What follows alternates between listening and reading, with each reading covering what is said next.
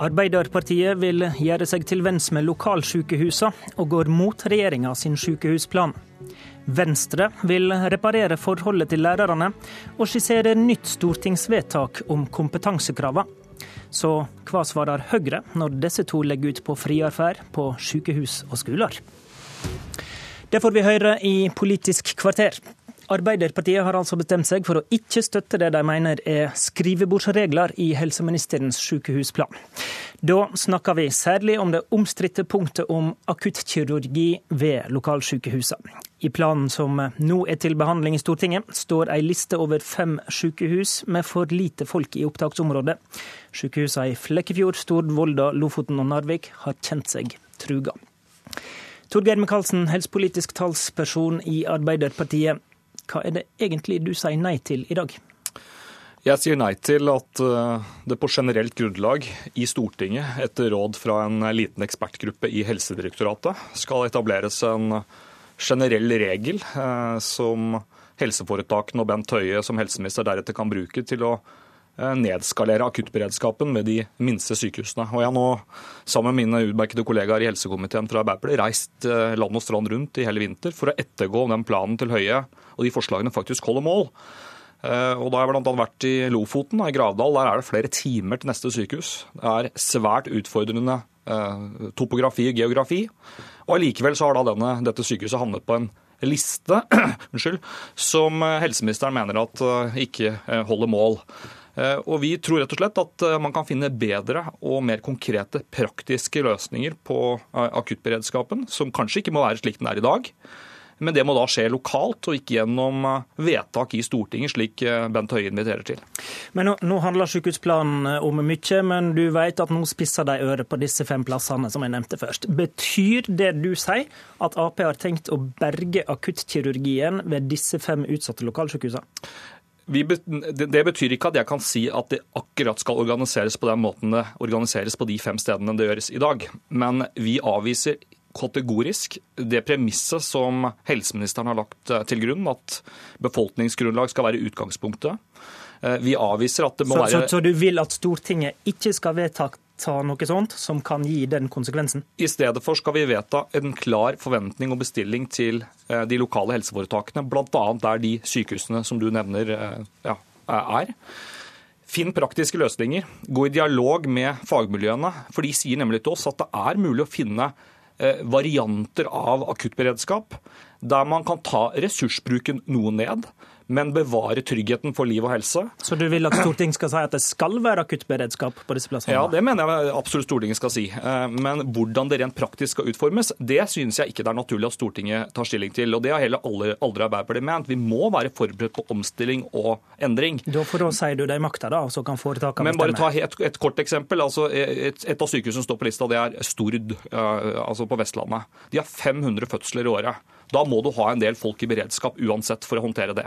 De skal ha omfattende kirurgisk aktivitet på dagtid, med også innelagte pasienter eh, som ligger da etter at de har blitt operert. De må også ha kirurger i beredskap for å passe på disse pasientene. Og Når du i tillegg da har et stykke til neste sykehus, så mener vi at det må være mulig å bygge på de beredskapsressursene som finnes på det lokale sykehuset. Og så må man finne praktiske løsninger på hvordan man gjør det. Ikke at Høyre og Frp skal trumfe gjennom en skrivebordsregel i Stortinget som er for generell til at den gir mening mange steder i Norge. Kristin Ørmen Johnsen fra Høyre, saksordfører for sykehusplanen i helsekomiteen på Stortinget.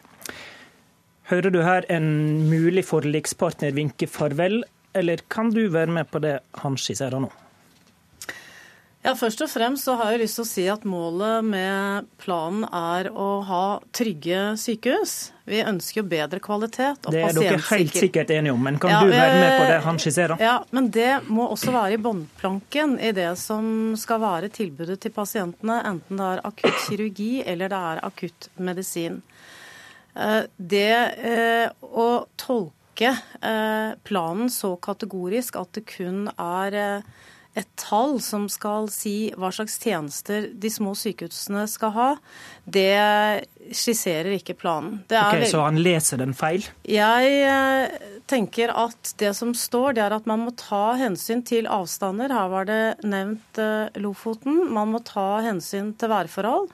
Det vet vi f.eks. i Finnmark. Finnmark eh, har jo akuttkirurgi på Kirkenes, eh, som har jo mye mindre enn 60 000 som sitt område. Ok, så, vi... så, det betyr at du kan være med på at Stortinget skal ikke vedta en sånn grense for hva som skal til for å ha akuttberedskap? Jeg mener at Stortinget ikke kan eh, vedta hva som skal være innholdet i våre 51 sykehus. Og det må også de lokale helseforetakene gjøre ut ifra de forutsetningene som er der. Var ikke det det som var poenget med en sykehusplan? Da?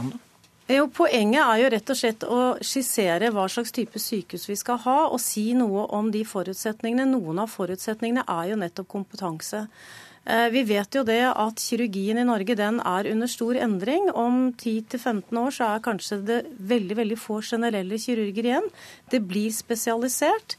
og Det betyr at vi får et veldig press på kompetanse. og Da må vi tenke smart. De store sykehusene må tenke hvordan skal vi opprettholde akuttilbudet på de mindre sykehusene i en region.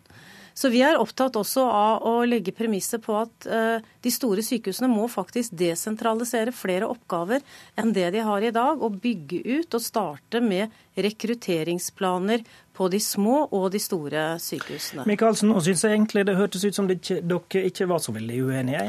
Nei, og Det er jo veldig bra hvis det er slik at Høyre nå er i stand til å legge vekk de forslagene eh, Kristin Ørmen Johnsens egen statsråd Bent Høie har brukt da over ett år på å overbevise den norske befolkningen om at det er riktig utvikling for sykehusene. Altså han har brukt en rekke anledninger, inkludert den dagen planen ble lagt fram, til nettopp å beskrive at det var nærmest naturgitt at utviklingen måtte gå, at de minste sykehusene skulle organiseres uh, akuttberedskapen på en annen måte. Men skal, derfor... ja, ja, vi får høre, mener da. Skal vi forstå deg sånn at du legger vekk den premissen der? Om, om, om hvor mange folk som skal være i et opptaksområde for å forsvare en akuttkirurgisk beredskap? Det vi sier, det må være én av uh, premissene, men ikke alle. Det må være én premiss? Nei, én av flere premisser. Det kan kun ikke være én premiss. Man har nødt til å se det enkelte sykehus og den enkelte region særskilt. Men, men, men jeg, dette, dette, er bra, og det er, viktige signaler, det er viktige signaler, men det kan jo det bare være dere som forstår dette på den måten.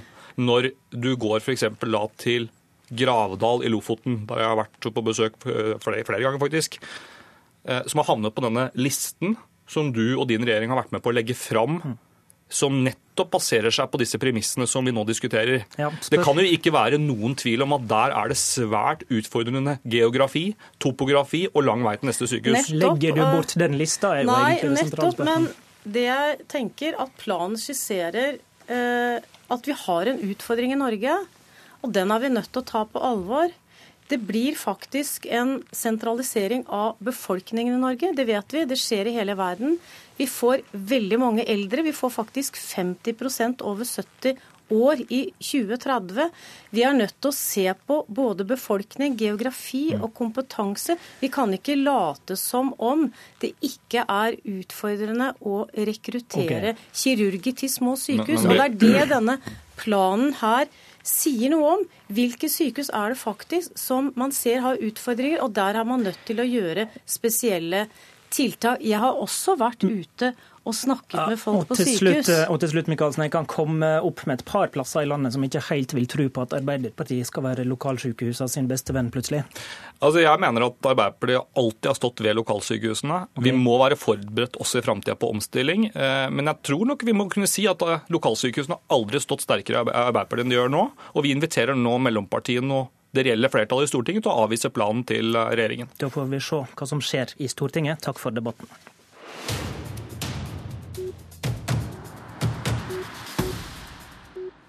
Venstre vil gjøre et nytt stortingsvedtak om kompetansekravet for lærere. Denne veka har NRK fortalt om regelkaoset etter at Stortinget vedtok skjerpa utdanningskrav til alle lærere. Det har vært uavklart om de som ikke fyller de nye kravene, har rett til å stå i undervisningsoppgavene sine, hvis de kan bli erstatta av en som fyller kravene. Iselin Nybø, stortingsrepresentant for Venstre. Hvorfor må lovvedtaket fra i fjor endres? Ja, Det er jo først og fremst fordi det har vært mye uro, som, som du òg sier. Det som vi er enige om, det som et stort flertall på Stortinget er enige om, det er at vi skal ha eh, kompetansekrav. Vi ønsker at alle elever skal bli eh, undervist av en lærer som har, har eh, formell kompetanse. Det, det står du på fortsatt? Ja, det gjør vi. Men vi ser jo at veien dertil kan bli litt kronglete. Og det er derfor vi, vi tenker at nå er det på tide å slutte å diskutere bare spillet. Nå må vi snakke om hva alternativer hva kan vi gjøre for at det skal kunne gjennomføres på en god og smidig måte. Og Hva skal vedtaket si da? Nei, altså, Vi, vi er jo åpne for forslag, men, men, det vi har foreslått, det er at eh, istedenfor å gjøre sånn som statsråden har gjort nå, at det er skolen eller skoleeier som har mulighet til å gi dispensasjon, så burde den enkelte lærer ha dispensasjon. Altså har du som lærer tatt utdannelsen din fra, eh, før 1.1.2014, så har du som lærer ti år på deg til å skaffe deg den kompetansen som altså, du trenger. Altså, altså kan du undervise i mellomtida. Du har altså en ubestridt rett som lærer til å undervise i de kommende ti årene, selv om du ikke har tatt videreutdanninga. Men så må du bruke de ti åra til å ta den videreutdanningen. For når de ti åra er ferdig, så er det de som har den kompetansen som kan eh, undervise. Men Nybø, med det forslaget så har vi jo i realiteten ikke kompetansekrav før om ti år. Men det er, det, altså, realiteten er den samme som den er i dag. I dag er det kommunene som kan gi den dispensasjonen, mens de videre- og etterutdanner lærerne sine. Det vi foreslår, det er jo bare at læreren får den dispensasjonen og kan bruke de ti åra på å ta den videre etterutdanningen. Ok. Henrik Asheim, stortingsrepresentant i utdanningskomiteen for Høyre. Ehm, din statsråd Røe Isaksen varsla i går at han ville rette opp i rundskrivet, som har skapt forvirring. Er det nok, eller er du sammen med Venstre, som sier at det trengs et nytt stortingsvedtak? Nei, det Som, som Iselin Nybø også sier, altså Arbeiderpartiet, Venstre, Høyre og Frp står på kompetansekravet. Det støttes også av Utdanningsforbundet, støttes av Lektorlaget. Så har vi sett, og det har NRK avdekket i går også, at den dispensasjonen man nå har, som er til kommunene, den tolkes uklart. og Det betyr at noen ganger så opplever man da at lærere med lang erfaring blir tatt ut av undervisningen allerede nå, selv om dispensasjonen sier at de kan brukes videre. Og Da må det ryddes opp i. Og det ene Men er det da nok med rundskriv, eller trengs et nytt stortingsvedtak, som Venstre vil ha? Ja, så Nå hørte jeg Venstre si at man vil vedta en ny lov, eller endre lovvedtaket, og det mener jeg vil være helt feil. ettersom okay. man er enig om... Rundskriv er nok? Altså Nå kommer det et rundskriv ut som da klargjør regelverket, og som sier at en rektor kan bruke undervisningspersonellet sitt mer rasjonelt enn de eksemplene som NRK trakk frem i går. Det skulle bare mangle. Det er ingen som har ønsket og ment at det skal slå ut sånn som de eksemplene.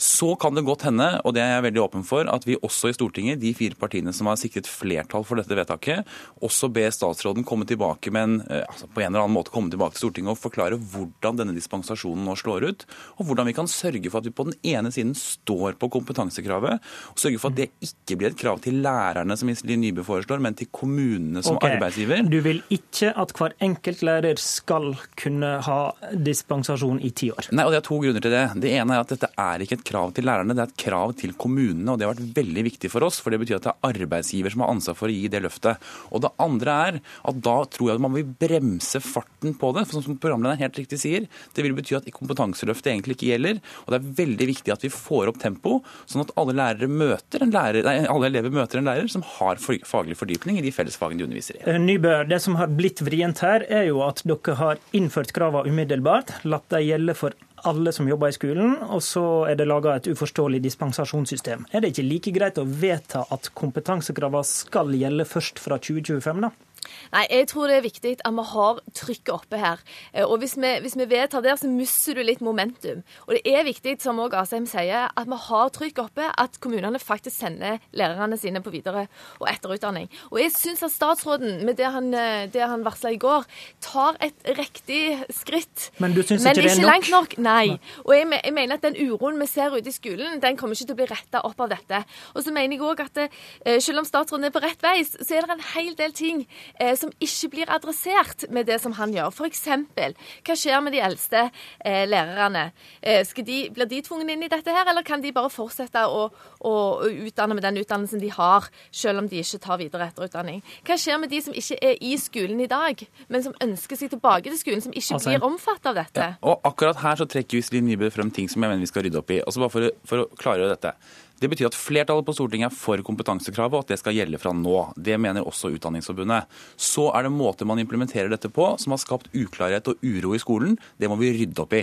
Og Derfor er jeg åpen for alle sånne forslag, nye momenter som Venstre nå tar opp. Kan godt hende kunnskapen som kommer tilbake til Stortinget med en sak og forklare oss hvordan dette skal gjøres på en best mulig måte. Men kravet står, og det gjør det fordi elevene har krav på faglig oppdaterte lærere i alle fag. Takk til Henrik Asheim og Iselin Nybø. I studio var Håvard Grønli.